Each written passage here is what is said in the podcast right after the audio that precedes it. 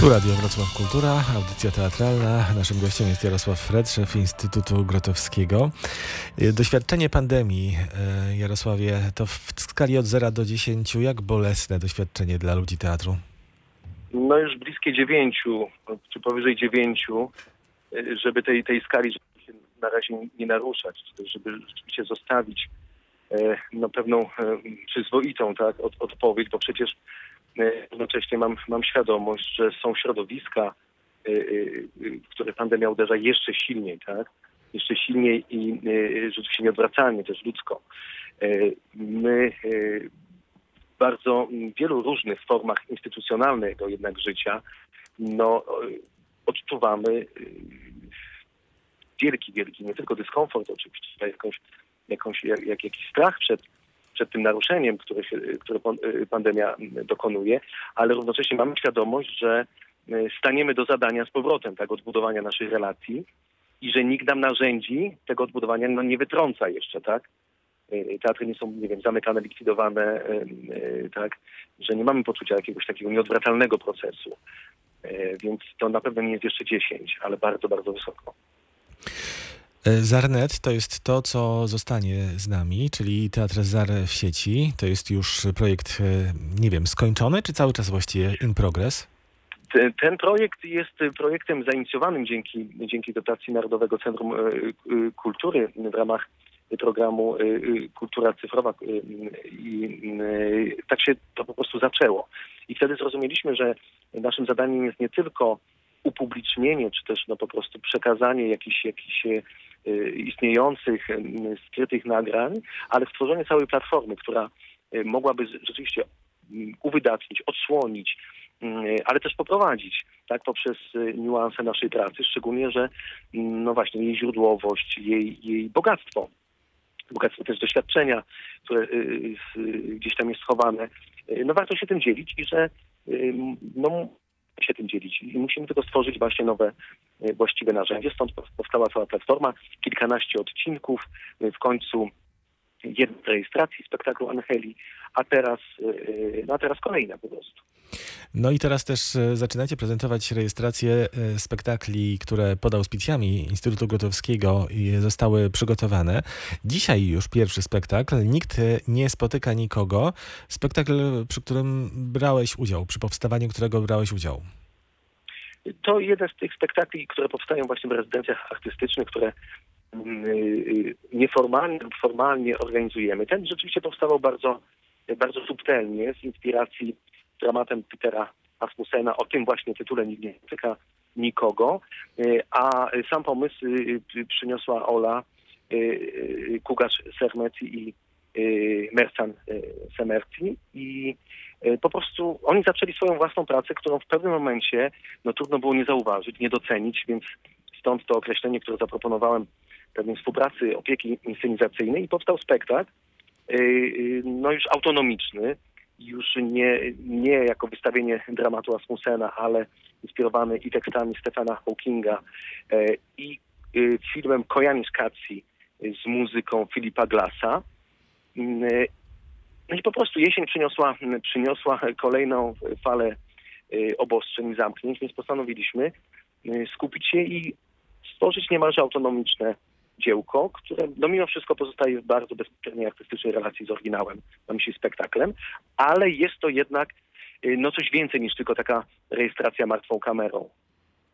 Mhm. I to jest spektakl, który ja tego nie widziałem jeszcze, chętnie zobaczę właśnie dzięki takiej możliwości. Jak e, rozmawialiśmy tu zresztą w studiu e, o samotności i wydaje mi się, kontekst pandemii wyostr może wyostrzać ten, ten temat.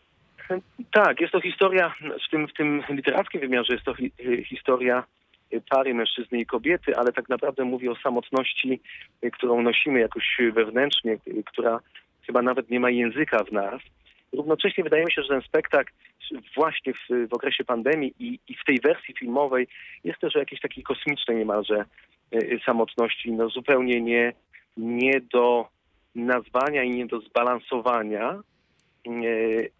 I nie chcę tutaj oczywiście czynić żadnej y, eksplikacji, czy to no, bo jeśli nie twórcy, w każdym razie osoby, która towarzyszyła temu spektaklowi od samego początku, to pozostawiam tę, tę przyjemność naszym odbiorcom, ale rzeczywiście osamotnienie i jej wielowarstwowość, wyobraźmy sobie, że to jest, że samotność jest jak cebula, którą rzeczywiście z warstw obieramy i to się nigdy nie kończy i to się nigdy nie, nie kończy. To Mhm. dość przerażające, no chyba o tym jest ten spektakl. Bezpłatnie wszystkie spe- spektakle udostępniacie?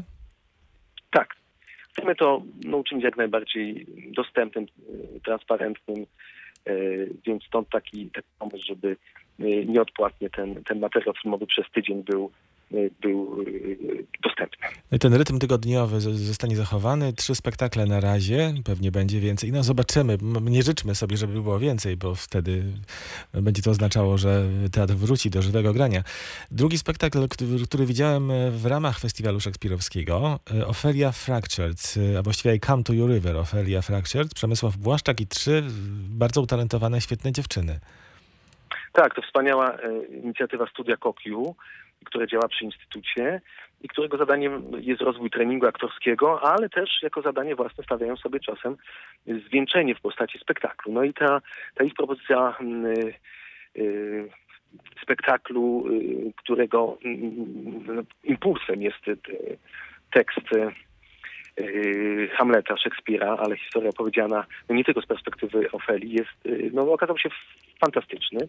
Ja towarzyszyłem temu mm, tym narodzinom od początku y, i, i później y, konieczność pandemiczna wymusiła na, na grupie y, pierwsze nagranie, takie nagranie powiedzmy na, na nie że na szybko, ale jednak metodą kamery tylko, tylko obecnej na jakimś konkretnym spektaklu. Znałem, że on zasługuje na, na nagranie no, wiele bardziej kompleksowe, tak?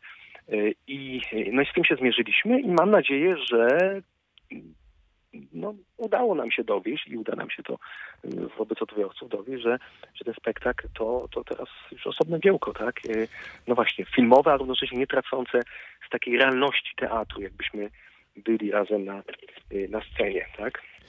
Czyli e, wszystkie te spektakle są realizowane w formie takiej e, no, filmowej właśnie, czyli macie kilka kamer, jest dbałość o dźwięk i tak dalej. Y, Tak, tak, że mamy, mamy rzeczywiście pewną no, zdynamizowaną sytuację, w której nie tyle jesteśmy prowadzeni za rękę, ale na pewno nie jest to martwa kamera, czyli mamy jednak punkt zbliżenia, mamy, y, mamy detale, mamy jakiś rodzaj dekodowania znaczeń tych, które, które w teatrze są, no, są skryte e, lub są do odkrycia po to, żeby utworzyły nową jakość autonomiczną. Y, Zresztą chcemy tymi naszymi realizacjami no, niejako udowodnić, że jest możliwe powstanie czegoś y, osobnego, co po nas zostanie. Niekoniecznie powinno mówić wyłącznie o, o teatrze, ale zdajemy sobie sprawę, że y, y, raz coś wrzucone do, do, do internetu zostaje na zawsze, więc dlatego dbamy o, o te jakości, żeby one tam po prostu pozostały. Y, Nie tylko dla, y, dla teraźniejszego czasu, y, że jest to zaproszenie do spotkania na żywo, ale wiemy, że to po prostu zostanie jako ślad. No i trzeci spektakl, o którym teraz mówimy, to Angelis Covid, czyli jakby kolejna wersja, nie wiem czy finalna, wersja spektaklu, który powstał w 2009 roku, bodajże trzeciej części Ewangelii Dzieciństwa, tego tryptyku właściwie. Tak, no to jest, to jest też właśnie doświadczenie popandemiczne, czy pandemiczne takiej lekcji, kiedy zrozumieliśmy, że ten projekt e, e, Angeli, e, który przygotowaliśmy w zeszłym roku na Olimpiadę Teatralną w Petersburgu i, i w Todze w Japonii, powinien z nami zostać. No i w tym roku zrozumieliśmy, że powinien zostać też powiedzmy utrwalony, tak? I stąd no bardzo poważny proces bardzo poważny proces y, y, sfilmowania, przedsięwzięcia y, muzycznego y, na żywo, więc bardzo kompleksowy. Nagrania dźwiękowe powstawały osobno, y, zdjęcia powstawały osobno przez tydzień cały, y, y, ale w realiach y, sali laboratorium, w realiach y, konkretnego, y, konkretnego spektaklu, a to rzeczywiście bardzo poważne, y, kompleksowe y, przedsięwzięcie i mam nadzieję, no, że nam się, że nam się udało, że nam się uda. To po raz pierwszy postanowiliśmy jako ZAR w ten sposób utrwalić naszą pracę, którą w sensie teatralnym, z którą się no, jakoś pożegnaliśmy już, tak? Czyli to jest właśnie to już tego typu nie ma Ewangelii Dzieciństwa. Został tylko wielki projekt i wyzwania muzyczne z naszych doświadczeń z Gruzji, z Sardynii, z Armenii, z Grecji. Angeliskowy to jest spektakl, który traktuje o śmierci, odchodzeniu, o pozostawianiu, pozostawaniu. E, to nie jest takie łatwe do wyjaśnienia. Myślę, że warto, trzeba zobaczyć ten spektakl, żeby go odczuć i posłuchać, rzecz jasna. Natomiast e, skoro mówimy już o tym wątku, to też chciałbym jeszcze na koniec naszej rozmowy zapytać Cię o piekarnię, która no, mimo pandemii działa, ponieważ na przykład końcem grudnia e, wpuściłeś do piekarni artystów i publiczność Teatru Polskiego we Wrocławiu i odbyły się tam dziady, rzecz wyjątkowa i być może to nie będzie um, jedyne, co się wokół tych dziadów stanie w piekarni. Y, piekarnia Centrum Sztuk Performatywnych jest miejscem, y, które y, no, bardzo chętnie otwiera się na inicjatywy artystyczne i ten plan dla, dla dziadów, dla ustępu trzeciej części, no mieliśmy od września, tak? I najpierw oczywiście miało to być to przygotowane e, w tej skali no, podstawowej, jaką teatr jedyną zna, czyli żywego spotkania. Później okazało się, że to, co jest możliwe, e, e, no musimy po prostu przenieść to wszystko w streamingu i to się chyba wyjątkowo udało. I tak jak nasza współpraca z, z Teatrem Polskim w Podziemiu, z Teatrem Pantomimy, wydaje mi się, że taką niezależną przecież tak naprawdę jednak inicjatywą y, płynącą po prostu od widzów Teatru Polskiego e, i no, która widziała w tych 14-godzinnych y, dziadach e, y, w koncepcji reżyserii Michała Zada jakąś niemalże formacyjną sprawę rytualną, że to pewnie będzie do nas wracać. Nie wiem w jakiej skali, ale na pewno to wydarzenie z grudnia potwierdziło, że, no, że warto że warto. Y, także nie chcę ja na pewno y, y, deklarować tutaj perspektywy dla 14-godzinnych dziadów, ale na pewno deklaruję naszą piekarnianą otwartość. Mhm. To jeszcze jedno pytanie. Jaki jest status piekarni? Bo właścicielem miejsca jest Archikom, prawda? Też już nie, zmienił się na Już nie, o proszę. W międzyczasie nas Tutaj nie chcę na razie zwracać, bo to się finalizuje. Aha. Nas sprzedano, ale to wszystko jest bardzo, bardzo bezpieczne.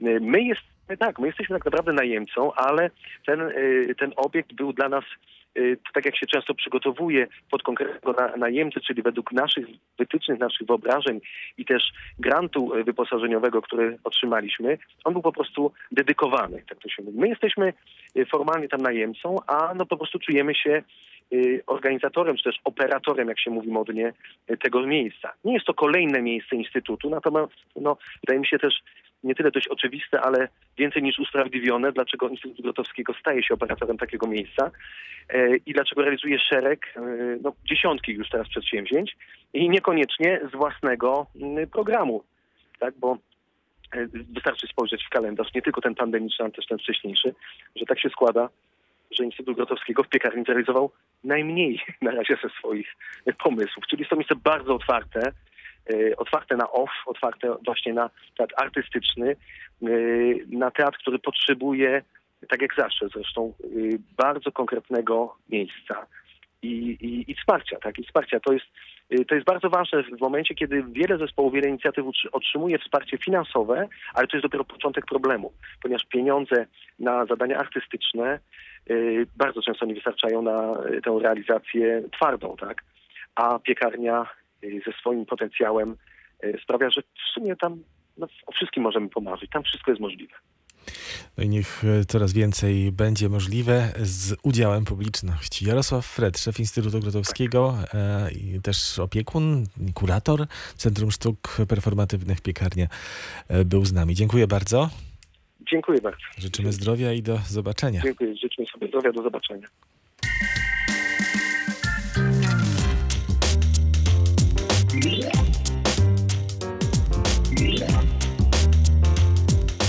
Radio Wrocław Kultura.